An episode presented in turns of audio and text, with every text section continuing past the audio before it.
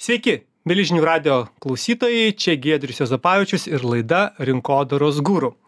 Šiandien 2024 metais turime jau antrą laidą ir svečiuose turiu Dominiką Venciutę. Labas, Dominika. Labas, Gedriau. Taip, dabar pristatysiu Dominiką. Dominika yra persona kognita įkūrėja ir konsultantė ISM vadybos ir ekonomikos universiteto verslo vadybos ir rinkodaros bei tarptautinės rinkodaros ir vadybos programų direktorė. Taigi žmogus, kuris užsiema kitų mokymų e, apie marketingą, taip trumpai sakyčiau, ir lietuviškai, ir tarptautinį. Iš esmės taip. taip. Daug rinkodaros visuose pavadinimuose. Jo, daug rinkodaros visuose pavadinimuose, todėl Dominika ir čia, rinkodaros gurų studijai. Ir su Dominika mes kalbėsime apie darbuotojų ambasadorystę. Darbuotojų ambasadorystę būtent šiais 2024 metais. Žinoma, niekur nepabėgsim nuo asmeninio prekinio ženklo klausimų, kadangi šitie dalykai yra turbūt labai tarpusavį susiję. Ir Dominika, žinai, gal pradėkim nuo to apie darbuotojų ambasadorystę. Aš taip dabar bandau prisiminti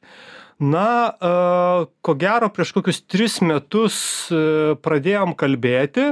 A tendencijose ir tuose metų trenduose pastoviai jau net pamenu prieš porą metų tai labai aiškiai a buvo tokia na kaip ir jau net klišė kad na negali nebūti šito šito tikslo. Tai yra darbuotojų ambasadorystę pradėti diegti įmonėse ir pradėti ją įgyvendinti ne tik formaliai bet iš to pabandyti įmonėms na vėlgi gauti na naudą ir sau ir tuos pačius darbuotojus labiau padaryti lojalius tai jeigu mes pabandytumėm vėlgi pasižiūrėti tokį grubiai penkių metų laikotarpį ar mes čia turim kokį pokytį ir jeigu turim tai koks tas pokytis yra įvykęs kai kalbame apie darbuotojų ambasadorystę apie asmeninių prekinių ženklų vystymąsi lietuvoje mhm. Labai geras klausimas. Uh, užduodant toną, tai aš dar labai trumpai, ar ne, tik tai norėčiau apibendrinti, kas yra ta darbuotojų ambasadorystė, nes man atrodo, kad tas suvokimas apie šią savoką vis dar yra gana ribotas. Tai darbuotojų ambasadorystė pagal visus mokslinius apibrėžimus yra verbalus ir neverbalus atstovavimas organizacijai ir darbuotojų pagalba organizacijai skleisti jos idėjas, iš esmės ją palaikyti, um, užtarti ir panašiai. Ir advokatauti. Advokatauti, taip, jeigu toks žodis e, būtų, tai būtent tokį ir naudotume. E, tai va, būtent ar ne, dar čia gal svarbu paminėti, kad nors angliškai mes dažniau naudojame terminą employee advocacy, lietuviškai neturi turime tinkamo vertimo, ar ne, tas advokatavimas e, galbūt Kažkaip nėra. Ne taip, tai ne taip, amb, ambasadorystė prigijusi taip, yra šiandien. Ambasadorystė yra labiau prigijusi, nors iš esmės čia galima matyti truputėlį skirtumų, nes ambasadorystė dažniausiai tai yra jau tokia labiau formali versija, o tuo tarpu advocacy kaip žodis jisai tokį labiau savanoriško um, prieskonį turi metodo. Tai iš esmės, ar ne, jeigu mes prieš kokius penkerius, sakyčiau, šešerius, septynerius metus pradėjom po truputį kalbėti apie esminius prekių ženklus, vėliau, kaip ir minėjai, ar ne, prieš kokius penkerius, ketverius atsirado atsirado jau vis daugiau to termino darbuotojų ambasadorystė. Čia apie Lietuvą kalbu, ar ne? Pasaulyje tos tendencijos yra truputėlį kitokios. Tai tuo metu buvo tik užuomasgos, ar ne? Žmonės pažindinosi su šitomis savokomis, bandė suprasti, kaip jos gali pasitelkti. Aš sakyčiau, viskas prasidėjo labiau nuo asmeninės perspektyvos. Žmonės galvoja, kaip jie gali ar ne pradėti komunikuoti savo asmeninius prekių ženklus, įveiklinti dėl kažkokios naudos savo. Po to visą šitą temą atrado labai, sakyčiau, stipriai organizacijos, nes jos iš esmės pamatė, kad na, darbuotojai darbuotojai turi tą didelę labai galią.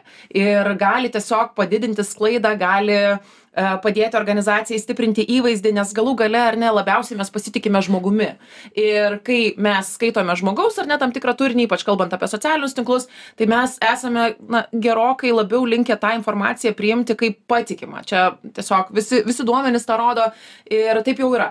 Tai sakyčiau, kad jeigu anksčiau ar ne organizacijos dar tik tai svarstė to naudą, aš sakyčiau, dabar yra labai stipriai padidėjęs suvokimas, kad tikrai to reikia, tik vis dar ieškoma yra skirtingų būdų, ar ne? Tai tai yra pasirenkama pasirenkamos ar ne skirtingos taktikos tam įgyvendinti.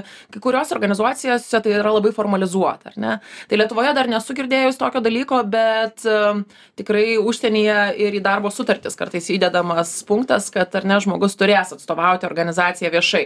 O čia toks labai geras kampas bet e, šitoj vietoj turbūt na pakankamai stipriai kertasi su tuo savanoriškumo principu apie ką vat tik ką kalbėjai kad ta amba ambasadorystė ane darbuotojo tai turėtų turėtų būti iš principo paremta jo tokiu pačio noru būtent kalbėti apie šitą įmonę, atstovauti ją, užstoti, apie ją parašyti kažką, bet nebūti na įpareigotam pareigos nes tam kaip ir yra atsakomybės. Yra komunikacijos žmonės viešųjų ryšių žmonės kurie kaip ir šitą funkciją įmonėse turėtų atliepti. Tai yra Taip. kalbėti įmonės vardu ne dėl to kad jie labai labai nori labai puiku jeigu jie jie to nori bet dėl to kad yra jų tokia pareigybė jų toks darbas yra taip bet e, iš kitos pusės ar ne jeigu žmogus e, tikrai ar ne na nori darbintis tam tikroj organizacijoj vadinasi yra susipažinęs su jos vertybėmis su jos visa filosofija ir jie tiki ir dėl to sutinka tą padaryti. Bet aš visiškai sutinku ar ne čia savanoriškumo principas yra truputėlį toksai ribinis.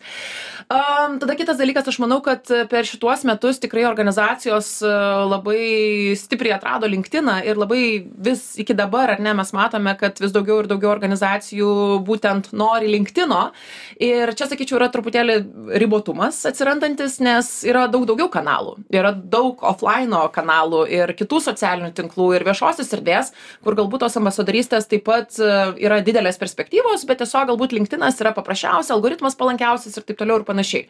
Tai šitoje vietoje tikrai pasistūmėjome ypač linktino kontekste. A asmeninių prekių ženklų kontekste tikrai a manau kad labiausiai pasistūmėjo vadovai kurie galbūt jeigu anksčiau netikėjo iki galo ar ne šituo dalyku ir sakė nagi čia komunikacijos skyriaus darbas ir e, reikia ar ne labiausiai jūs darykit. Taip, jum na, reikia jūs darykit. Ne tiek kad jūs darykit ar ne bet turi būti organizacijos brendas organizacijos pavadinimas visuomet dėmesio centre. Bet dabar aš manau kad ir tą rodo tyrimai galbūt aptarsim vėliau kad tikrai tas vadovo veidas ar ne vadovo balsas jis yra be galo svarbus formuojant kitų žmonių nuomonę apie organizaciją. Tai sakyčiau vadovų ar ne tikrai pagausėjo kurie komunikuoja ir kurie formuoja įvaizdį tiek apie save tiek apie atstovaujamas organizacijas Dominika, e, turbūt e, sąsaja yra labai konkreti su asmeninio prekinio ženklo formavimu, kadangi turbūt ir LinkedIn šitoje vietoje yra tas pavyzdys. Žmonės išmoko ten komunikuoti, save pristatyti, vėlgi, na, vedami skirtingų tikslų. Kažkas norėdamas pakeisti darbo poziciją, kažkas norėdamas tiesiog dalintis ir tokiu būdu kurti vertę kitiem, kažkas ieškodamas kažko ir, ir mokėdamas išklausti. Tai žmonės įsidrasino ir ten, na, sakykime, tai pakankamai profesionaliai gali reikšti savo nuomonę apie save, apie savo pomėgius, hobius, gebėjimus, kompetencijas ir visa kita, tai turbūt ir buvo tas šuolis užsikabinti įmonėm, nes jeigu žmogus moka, geba a, puikiai komunikuoti apie save, na logiškai jis gali komunikuoti tai ir apie, apie įmonę, jeigu joje dirba. E, tikrai taip. Aišku, čia kartais yra skirtingi motyvai, ar ne? Kai kurie žmonės tikrai galbūt nebūtų linkę to daryti labiau apie save ir sako, aš nenoriu savęs afišuoti, ar ne, bet aš organizacijai noriu pridėti, tai tuomet ta išeitis yra labai paprasta, ar ne? Tuomet e, galima daugiau, ar ne, savo turinėje fokusuotis į įmonę. O kai kurie žmonės atvirkščiai, jie supranta naudą savo ir tada, na, supranta, kad tai, kad jie dirba tam tikroje organizacijoje, gali padėti pastiprinti jų asmeninį prekės ženklą. Tai iš esmės, ar ne, yra dar kartais em, susiduriam su tokiu stereotipu, su tokiu mitu, kad na, e, yra žmonių, kurie sako, na, jeigu čia aš dabar kalbėsiu apie šitą įmonę ir galiausiai iš tos įmonės išeisiu, tai kur jau aš esu, ar ne, nes aš visą savo tą indėlį padariau būtent šito įmonėje. Tai e, tikrai ne, ar ne, nes ta mūsų patirtis, tai yra mūsų asmeninio prekės ženklo e, dalis, ar ne, tai yra mūsų istorijos dalis. Ir, ir, ir tikrai, ar ne, čia nieko tokio, bet šiaip jau yra ta rekomendacija nepamiršti tame turinėje savęs. Nes e, vis tiek, ar ne, e, tas žmogus galų galiausiai yra ta, tas dažniausiai įdomiausias faktorius skaitytojui. Mhm. Na, kodėl, kodėl žmonės skaito žurnalą, žurnalą žmonės, ar ne? Taip. Todėl, kad jiems yra įdomu. Nesvarbu, ar mes tus žmonės pažįstam ar ne, bet mums yra, vat, na, kažkodėl, kodėl mes domimės. Žmogiškas, inter... žmogiškas interesas. Aš šiaip labai su tavim sutikčiau, nes man atrodo, kad ta susitapatinimo su įmonė riba ir suvokimas labai stipriai keičiasi, ypač e, jaunai kartai. Jeigu anksčiau žmonės buvo labai įpratę ir prisirišę prie įmonės, jeigu jie dirbai daug metų, atidavai tai įmoniai daug, tavo uh, prekinis ženklas, asmeninis prekinis ženklas realiai yra tapatinimas su ta įmonė, tai tu tokią stigmą ko gero turėjai, kad, nu, kaip aš dabar galiu keisti darbą ir kalbėti apie kažką kitą, kaip mano tapatybė yra pakankamai stipriai susijęta su tuo prekiniu ženklu. Tai to mes kuo toliau, tuo, tuo iš tiesų turim mažiau ir tas keliavimas ir tavo kompetencijos keliavimas iš vienos į kitą įmonę realiai tave patį kaip asmenybę, ko gero, daug daugiau stiprina, negu kad tau p- čia kelia kažkokią tai žalą arba susitapatinimą vien tik tai su viena įmonė. Visiškai, visiškai. Ir aš visuomet ar ne tokį patarimą duodu žmonėms, kurie galbūt nedrąsiai dėl to jaučiasi. jaučiasi svarbiausia kaip mes pristatysime tą faktą ar ne kaip mes tą pokytį padarėme galbūt mes padarėme pokytį ir perėjome iš vienos srities į kitą. Ir tas irgi yra normalu ar ne nes tai yra mūsų tokia asmeninė evoliucija kaip žmonių kurie siekia tam tikros karjeros. Tai čia sakyčiau tikrai šitoje vietoje nėra problemų bet svarbu tą informaciją atitinkamai pateikti ar ne ir pristatyti storytelingą pasitelkti ir panašiai. A, Dominika, kalbėjai apie tyrimus, apie vienus ar kitus. Iš tiesų būtų labai įdomu suprasti, vat, būtent kaip asmeniniai prekių ženklai gali būti naudingi ne tik žmonėms, bet ir įmonėms. Nes iki šiol paprastai kiek aš kalbinau pašnekovų tai mes vis tiek daugiausiai kalbėdavom pasiremdami ta asmenine patirtimi viena ar kita apklausa daryta bet e, pakankamai a, na tokia nedidele imtimi ir daugiau pasiremiant užsienio praktikomis ir iš užsienio ateinančiais duomenimis kas yra nežinau galbūt yra kas nors naujo lietuvoje galbūt yra kas nors tirta domėtasi ir mes galim jau kalbėti konkrečiai apie lietuvaičius šituose klausimuose tikrai taip ir e, žinai giedriau aš e, savo disertaciją parašiau du tūkstančiai aštuonioliktais metais jinai buvo susijusi su socialiniais tinklais bet aš tuo metu labai tokią turėjau širdgėlą kad neįtraukiau to asmeninės komunikacijos faktoriaus. Ir sau daviau tokį pažadą kad aš prie šitų tyrimų grįš grįšiu iš tos mokslinės pusės. Ir man pavyko ir vienas iš tyrimų kurį aš su kolegomis iš užsienio atlikau prieš iš esmės mes išpublikavome praėjusiais metais ar ne tą straipsnį. Ir tema buvo apie tai ka kaip vadovų asmeniniai prekių ženklai ir būtent fokusas į asmeninių prekių ženklus o ne į ambasadorystę kaip jie iš esmės veikia organizacijos rezultatus. Ir šituo atveju mes darėme kokybinį tyrimą, mes apklausėme 25 vadovus Lietuvoje, tai nebūtinai e, CEO, nebūtinai aukščiausio lygio, bet departamentų vadovus arba žmonės tiesiog, kurie turi savo komandą. Ir pamatėme labai aiškę tendenciją, kad yra trys linijos, kaip tai atsiliepia organizacijos rezultatams. Tai visų pirma, tai e, gali pagerinti žmogiškųjų išteklių rezultatus ar ne person, su personalu susijusius dalykus.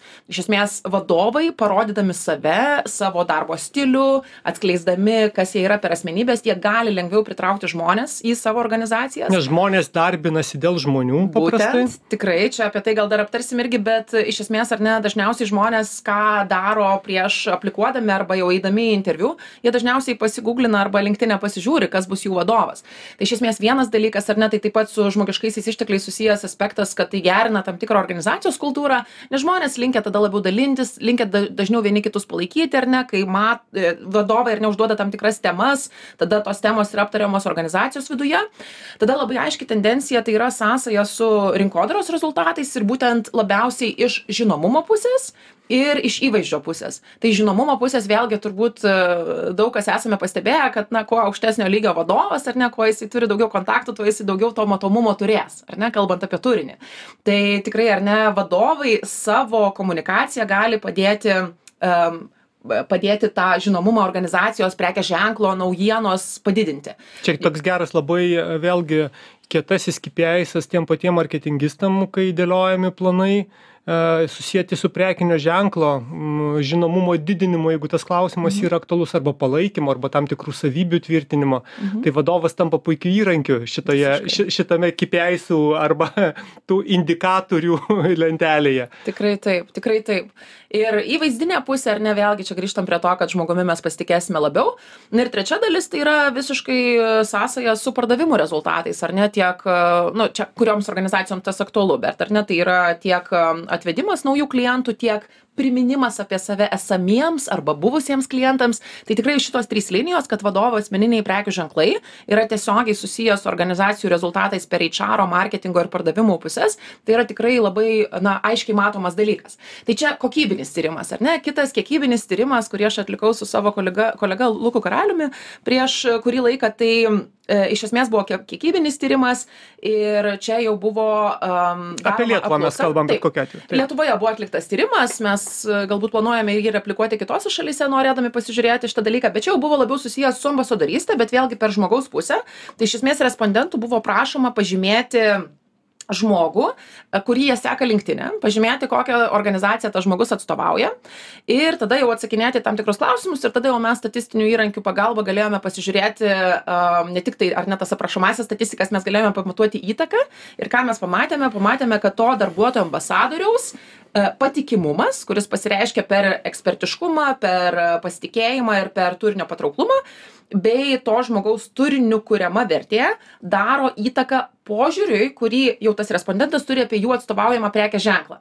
Bet įdomus faktas yra kad tai vyksta per parasocialinį santykį kas iš esmės reiškia kad kai aš seku kažkokį tai žmogų linktine aš su juo formuoju tokį vienpusį santykį ar ne e, kaip su žymybe ar ne aš nu tarytum įsijaučiu jo gyvenimą ir tada tas veda prie to kad na aš labiau esu linkęs pasitikėti ir tuo prekės ženklu kurį Kur jisai dirba. atstovauja taip kur jisai dirba ar ne iš esmės kurį jisai atstovauja arba kurį jisai jeigu ten yra savas verslas kurį jisai ranina tai čia tikrai labai aiški tendencija ir tai tiesiog labai smagu ar ne kad galim kalbėti apie tai tikrai ne tiktai iš tokios nuojautos ne tiktai iš tokios praktinės patirties bet tikrai atsiranda vis daugiau tyrimų ir užsieny ar ne? Tai čia aš paminėjau keletą prie kurių esu pati prisidėjusi bet mes e, jo tikrai matom kad šita tema užsienyje irgi tampa vis labiau populiari. Darbuotojų ambasadorystė e, irgi labai aiškiai susijęs e, yra matymas kad tai veikia ir žmogiškuosius išteklius ir reputacijos valdymą ir ir krizių suvaldymą nes tiesiog ar ne darbuotojai jeigu jie yra tikri savo organizacijos fanai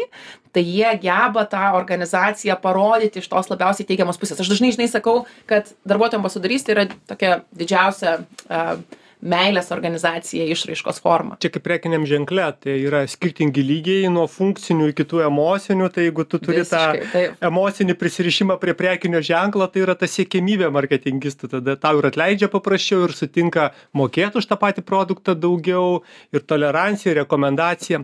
Bet e, dominyka grįžkim prie darbuotojų. Tai dabar mes pasižiūrėjom iš organizacijos pusės.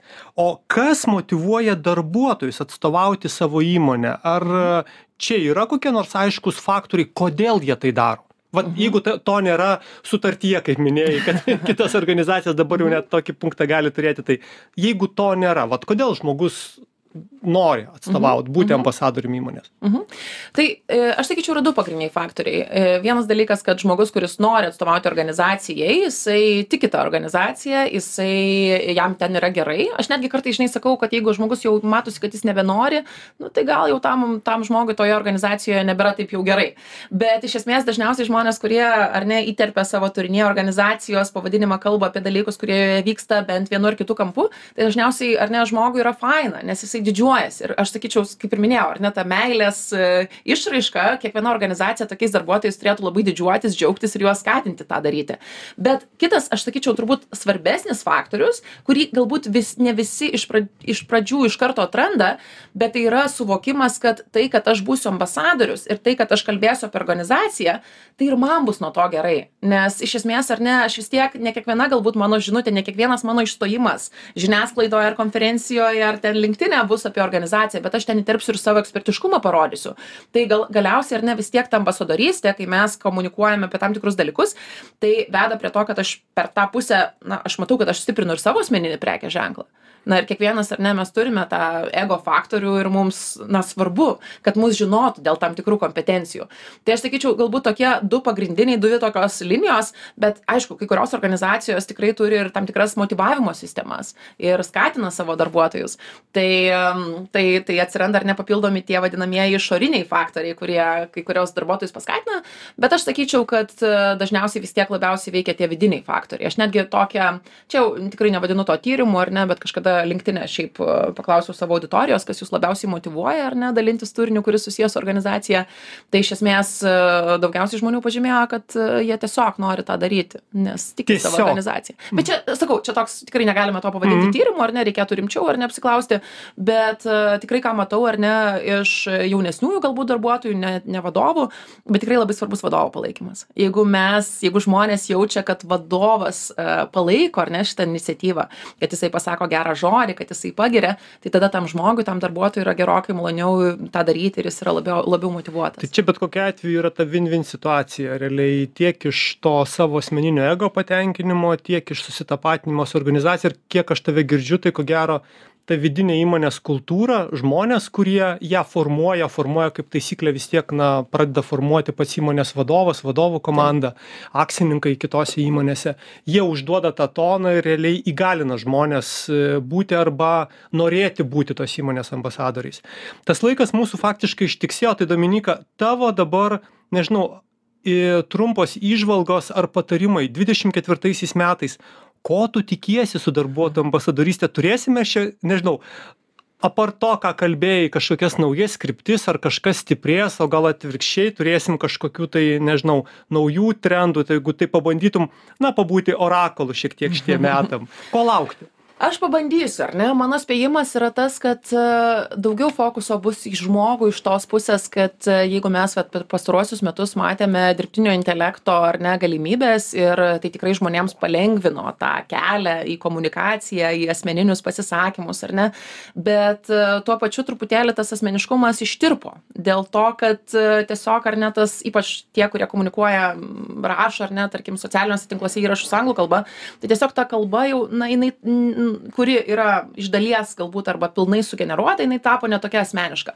Tai aš manau kad e, išloš tie kurie vis dėlto ar ne to asmeniškumo sugebės į savo turinį įtraukti daugiau ar ne bus daugiau to nuoširdumo ir panašiai. Tai va tas dėmesys į asmeniškumą na pavadinkime tai autentiškumu aš to žodžio šiek tiek vengiu nes man atrodo kad čia jau yra tokia tendencija kuri kartojasi turbūt dešim metų iš eilės bet vis dėlto ar ne tas fokusas į žmogų jisai tikrai bus.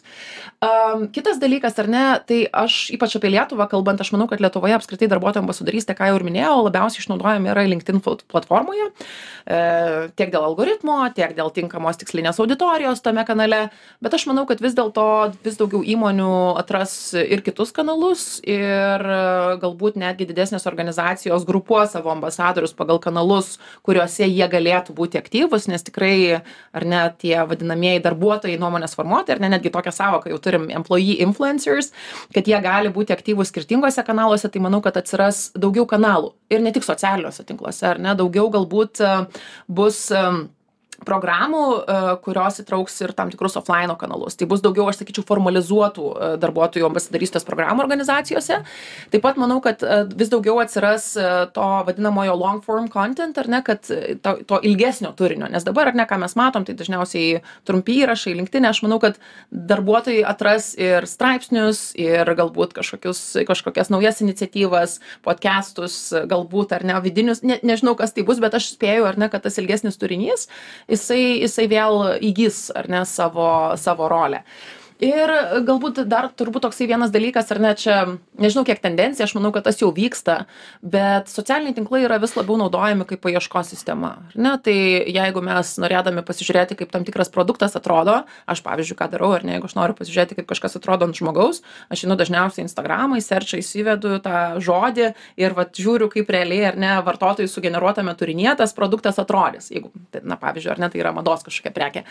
Tai e, lygiai taip pat ar ne ką jau ir minėjau žmonės ieško žmonių todėl manau kad čia vat galvojant apie šitą faktorių vėlgi bus atsigręžiama į tai kad darbuotojų sugeneruojamas turinys bus vis labiau vertinamas.